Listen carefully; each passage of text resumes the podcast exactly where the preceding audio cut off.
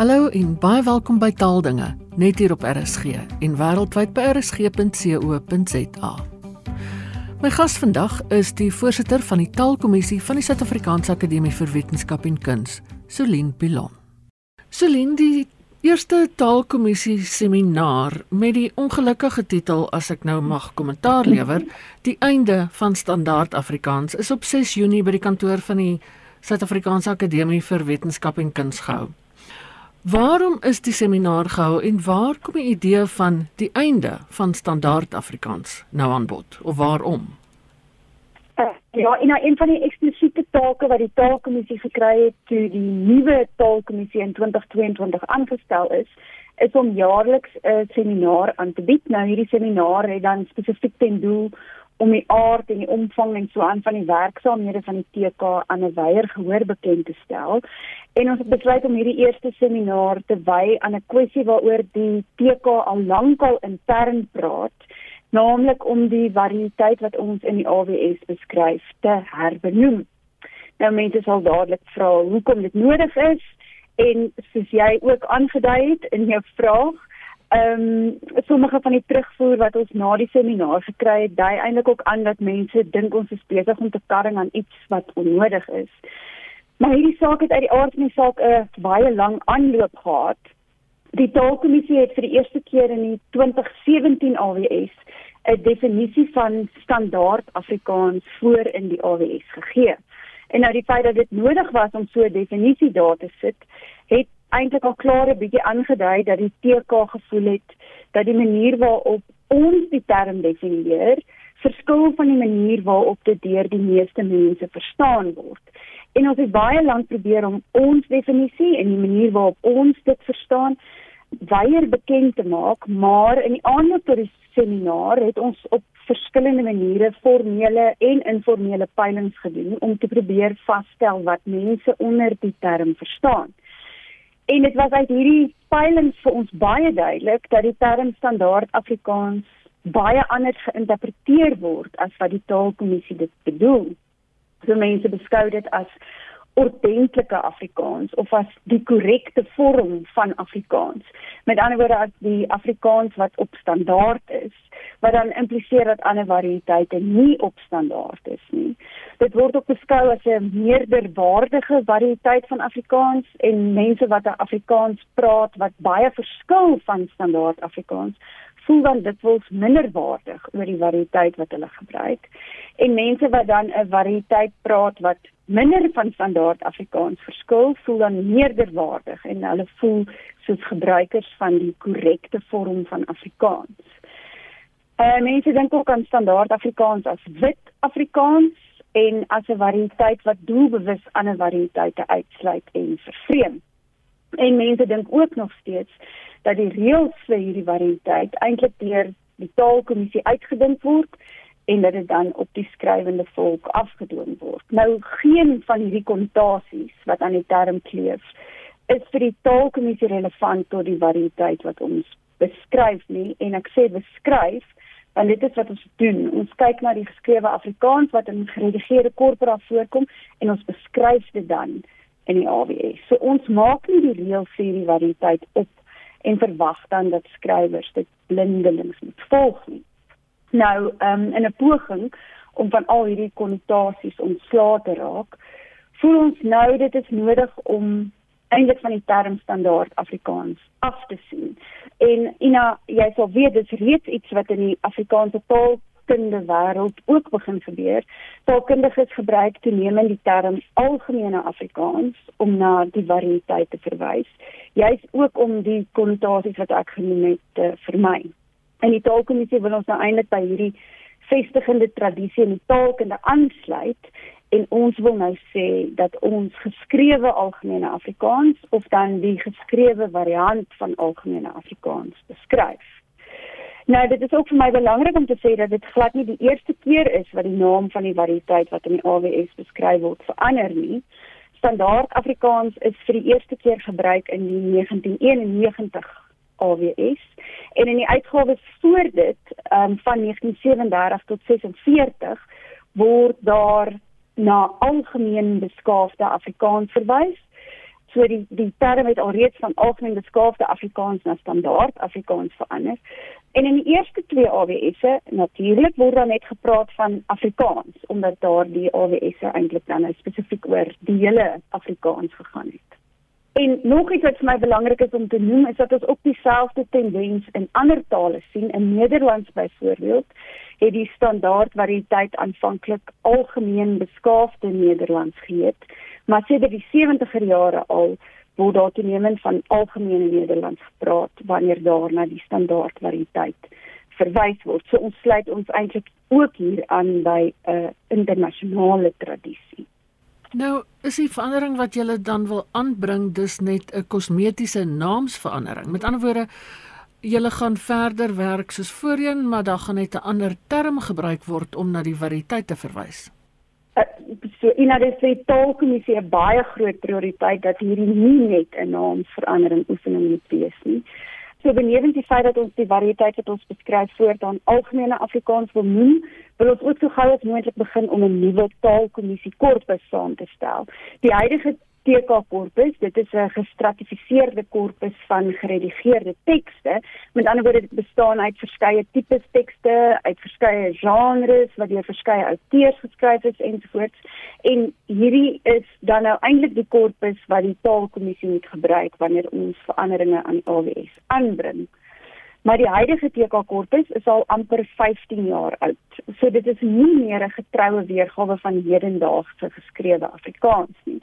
So ons moet in elk geval 'n database bou wat meer hedendaagse geskrewe tekste in het sodat ons ons taalkommissie werk op hedendaagse geskrewe Afrikaanse tekste kan baseer.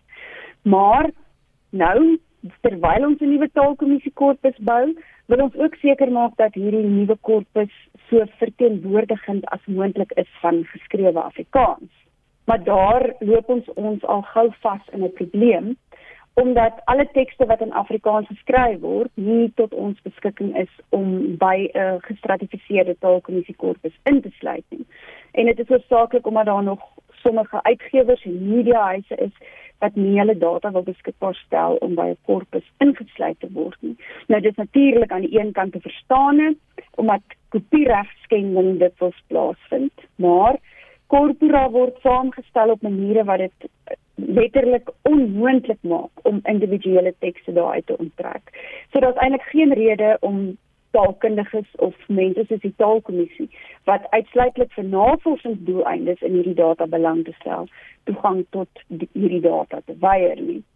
Nou hoe meer data ingesluit word in hierdie korpus natuurlik, hoe meer verteenwoordigend word dit van geskrewe Afrikaans in die brede en as ons ons besluite op 'n verteenwoordigende korpus kan berus, dan vind 'n verruiming van die variëteit wat in die AWS beskryf word eintlik outomaties plaas.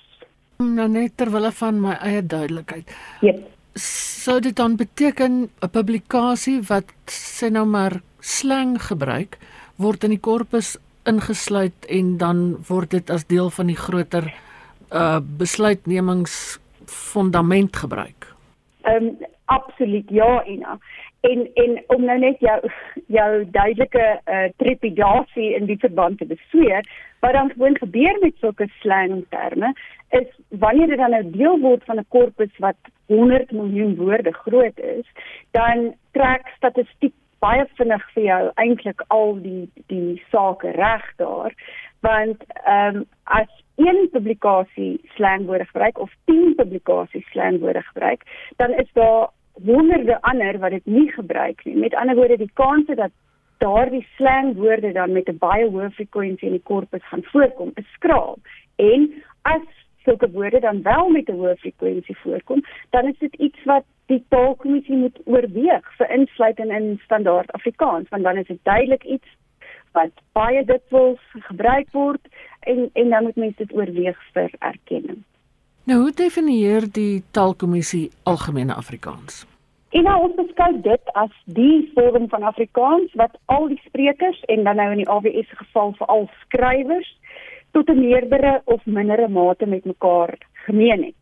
Dit is dus die wydste verspreide en ongemerkte vorm van Afrikaans. En ons bedoel met daai ongemerk dat dit nie eksplisiet in 'n spesifieke gebruikersvariëteit geskryf is nie. So as 'n skrywer eksplisiet kies om 'n teks in Kaaps te skryf, dan is daardie teks nie deel van algemene Afrikaans nie. So ek wil net 'n voorbeeld gee en ek wil beklemtoon dat dit net 'n voorbeeld is, want dit moet nog aan so 'n verteenwoordigende korpus getoets word. Maar iets wat maklik is om te noem, is dat die attributiewe e in sommige sprekers se Afrikaans dikwels meer gereeld aan adjektiewe gesit word as in ander sprekers se Afrikaans. So byvoorbeeld sal sommige Afrikaans sprekers sê dit is 'n warme dag terwyl daar in koerantartikels byvoorbeeld geskryf sal word dit is 'n warm dag. So dis daai verskil tussen warme met die attributiewe e en warm daarsonder. Nou die vorm met die attributiewe e word natuurlik tradisioneel beskou as die ongemerkte vorm, maar warme en warm kan beide beskou word as algemene Afrikaans mits albei forme wyd genoeg verspreid voorkom en dit deur die meeste lede van die Afrikaanse sprekergemeenskap verstaan kan word. Nou goed, ek dink niemand wat verstaan wat dit is 'n warm dag beteken, gaan nie weet wat dit is 'n warme dag beteken nie. Ja, ja. Maar daarteenoor het ons woorde soos nademaal of uitdrukkings soos ten laste lê en hierdie goed word geassosieer spesifiek met die regsdomein en dit is 'n spesifieke gebruiksvariëteit van Afrikaans. En sulke woorde en uitdrukkings kom nie wyd versprei voor in die Afrikaanse sprekersgemeenskap nie en dit kan daarom dalk moeilik wees vir sommige sprekers om te verstaan of te prosesseer omdat hulle dit nie so dikwels teekom nie. En ons almal weet ook hoe ehm, 'n um, gesukkel is dit om regstekste geïnterpreteer te kry. So dit is eintlik nou maar net 'n voorbeeld van hoe hierdie woorde eintlik uh, sprekers vervreem. Nou hierdie goed hoort dan uh, tot regs Afrikaans en dit vorm nie streng gesproke deel van algemene Afrikaans nie. Nou beteken dit dan dat alle woorde wat deel is van sulke gebruiksvariëteite geskraap gaan word uit die AWS? Natuurlik glad nie. Al wat dit beteken is, die AWS se kernbesigheid, as ek dit nou so kan stel, is algemene Afrikaans en dit is daarom vir ons belangrik dat al die woorde wat met 'n hoë frekwensie in algemene Afrikaans voorkom definitief in die AWS moet wees. So dis die eerste ding waarvan die TK sal seker maak sodra ons so 'n nuwe korpus het, is dat die woorde met die hoogste frekwensie wel in die AWS opgeneem is. Maar die AWS gee nog altyd 'n uh, erkenning aan items uit gebruiksvariëteite en dit gebeur soms op versoek of insidenteel maar dit is van nog altyd af deel van die van die taak van die taalkommissie. En hierdie tipe items word dan op verskillende maniere in die AWS met etikette gemerk so 'n gebruiker wat nou in die woordelys gaan kyk sal sien dat woorde dikwels so met etikette gemerk is. En dit is dan om aan te dui dat daardie woorde tot 'n spesifieke gebruiksvariëteit hoort So die enigste ding wat gaan gebeur is dat daar dalk voortaan meer sulke etikette in die woordelys aangebring sal word om items uit gebruiksvariëteite wat dan nou nie deel is van algemene Afrikaans nie te merk as sulke items. Ja, ek verstaan herstandardisering is sekerlik belangrik. Maar wat word daarmee bedoel? Word 'n 100 jaar se werk en se kennis gewoon van die tafel afgevee en 'n ander variëteit word in die standaard se plek gestel en begin die proses dan van voor af of is dit 'n organiese proses soos vir die TK al 'n geruime tyd mee besig is? En dan niks maar niks mag onder enige omstandighede van die tafel afgevee word nie. Uh die werk wat in die afgelope 100 jaar uh gedoen is is van onskatbare waarde en die taalkommissie beskou dit ook as sodanig. Uh en daar's ook geen sprake daarvan dat die AWS nou 'n uh, ander variëteit gaan beskryf nie sodat dit nou eintlik gebruikers wat tot nou toe die AWS bruikbaar gevind het op 'n manier gaan vervreem nie. En soos jy sê is en bly dit absoluut 'n organiese proses. En die taalkommissie is eintlik deurgaans besig met herstandardisering. Ons is die hele tyd besig om nuwe woorde tot die woordelys toe te voeg. Soms natuurlik soos ek reeds gesê het, woorde uit 'n spesifieke gebruiksvariëteit soos akademiese Afrikaans en regsafrikaans en soms dan ook eksplisiet woorde wat eintlik tot spesifieke Afrikaanse gebruikersvariëteite hoort, soos Kaaps of Gariep Afrikaans Ander dinge wat ons die hele tyd doen is ons skrap woorde wat in onbruik verval het. Ons maak veranderinge aan die bylaes in die AWS en ons skaaf en verfyn aan die spelreëls. En al hierdie werk word gedoen op grond van inligting wat ons in Corpora vind. Nou die TK se werkswyse gaan dis presies dieselfde bly. Ons gaan net die variëteit wat ons beskryf herbenoem en ons gaan 'n nuwe taalkommissie korpus saamstel sodat die data waarna ons kyk meer verteenwoordigend is van geskrewe Afrikaans in den brede. Tydens die seminaar is daar onder andere gesê dis tyd dat standaard Afrikaans ophou baas speel. En dit klink vir my na 'n polities gelade uitlating. Behoort iets wat dan ten diepste oor 'n taalvorm handel, nie suiwer taalkundig benader te word nie. Ja, en ek moet miskien net eers sê, uh daai frase waarna jy verwys was 'n koerantopskrif dink ek. En dit is natuurlik nie deur die taalkommissie geskryf of uitgedink of goedgekeur of enigs so iets nie. Maar ja, inderdaad, jy's reg, maar dit is so dat die, die kwessie rondom 'n standaard variëteit nooit eintlik van die politiek vry is nie. Die gestandaardiseerde variëteit van 'n taal is altyd benewens dat dit 'n talige hulpmiddel is, die produk van die tydsgees waarin dit bestaan. Uh ons weet byvoorbeeld dat Afrikaans op 'n stadium deur 'n vernederlandingsperiode gegaan het en dit was enerzijds omdat daar 'n baie sterk anti-Engels sentiment in die Afrikaanse gemeenskap geheers het Uh en dit is natuurlik na die Suid-Afrikaanse oorlog, nê. Nee, toe wil Afrikaanse mense niks meer met Engels te doen hê nie en hulle wil ook keer met alle mag en geweld dat Afrikaans meer soos Engels begin lyk. Maar dit was ook omdat die taalkundiges in daardie tyd baie Nederlandse kontak gehad het. So mense het daar gaan studeer en het Nederlandse literatuur bestudeer en so aan. En hierdie vernederlandingsperiode van Afrikaans was daarom uh, eksplisiet gemotiveer deur die politieke omstandighede waarin die sprekers van Afrikaans hulle bevind het.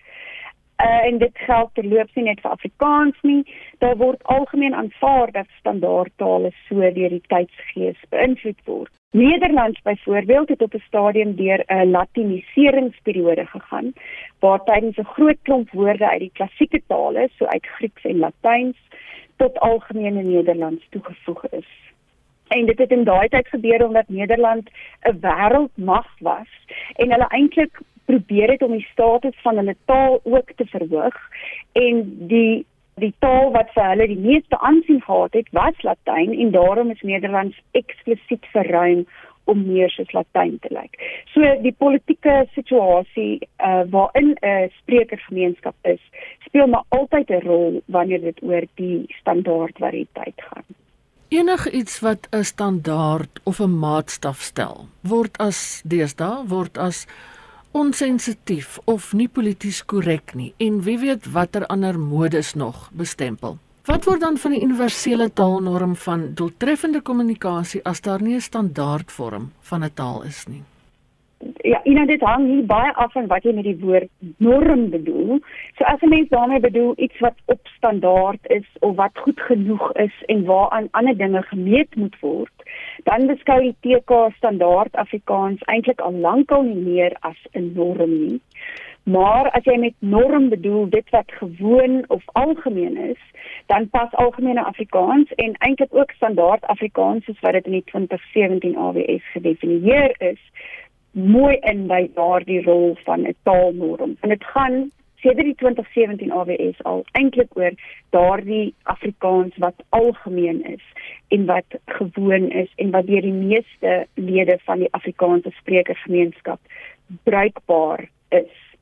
Die AWS sal nog steeds die woordelys en die spelreëls bevat van die variëteit waarmee Afrikaans sprekendes die doeltreffendste met die grootste aantal ander Afrikaans sprekendes kan kommunikeer, juis omdat dit hierdie algemene vorm van Afrikaans is, ehm um, wat dus deur die meeste Afrikaanse mense um, verstaan kan word.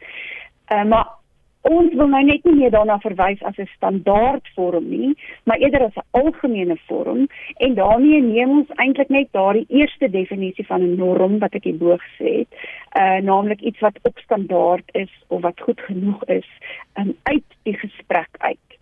So die AWS waarin algemene Afrikaans beskryf word, sal ons as insiens dus nog steeds voldoen aan die vereistes wat deur die skrywende Afrikaanse gemeenskap daaraan gestel word en mense wat die woordelys en die spelreëls wat in die AWS vervat is gebruik sal dan nog steeds effektief met mekaar kan kommunikeer.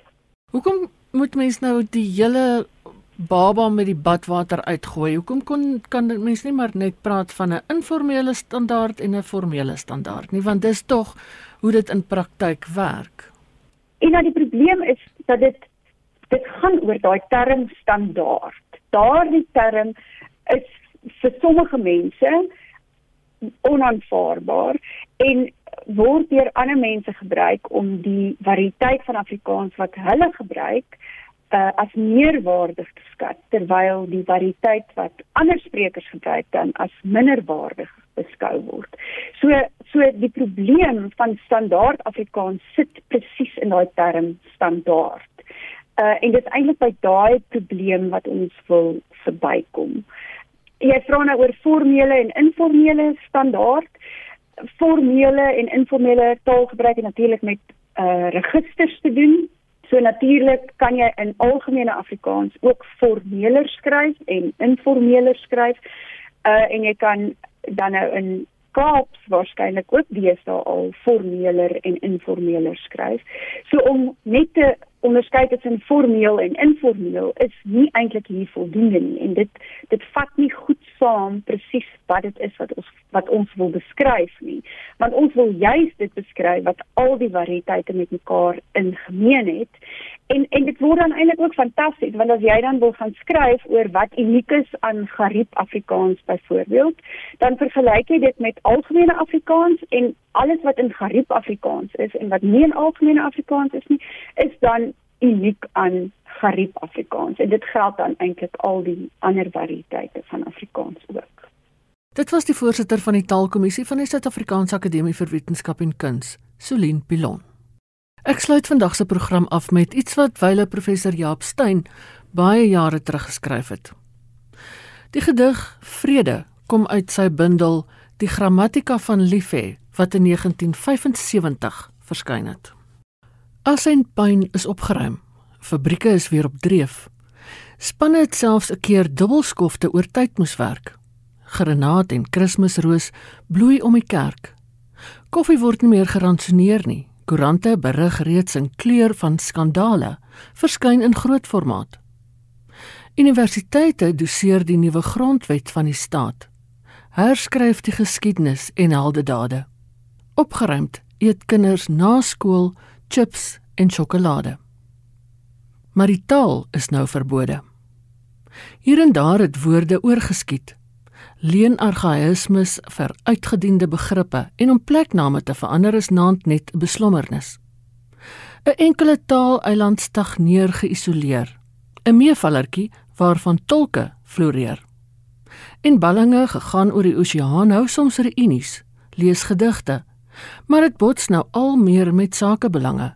En na die eerste emosionele suksesse loop die heimwee geselsies dood. 'n Enkeling treur nog, maar appliseer om 'n nuwe van vir die kinders wat mooier pas in die nuwe moeder se taal. In biblioteke vergaar duisende bande stof. Uit die klassiekstes is vertaal ander is maar al minder verstaanbaar vir sentimenteeles in die stamlande. En vir linguiste wag daar 'n kosbare gegewe, die materiaal vir die analise van 'n taal wat in die moderne tyd ontstaan het en laat sterf is. Van my Ina Strydom groete tot 'n volgende keer.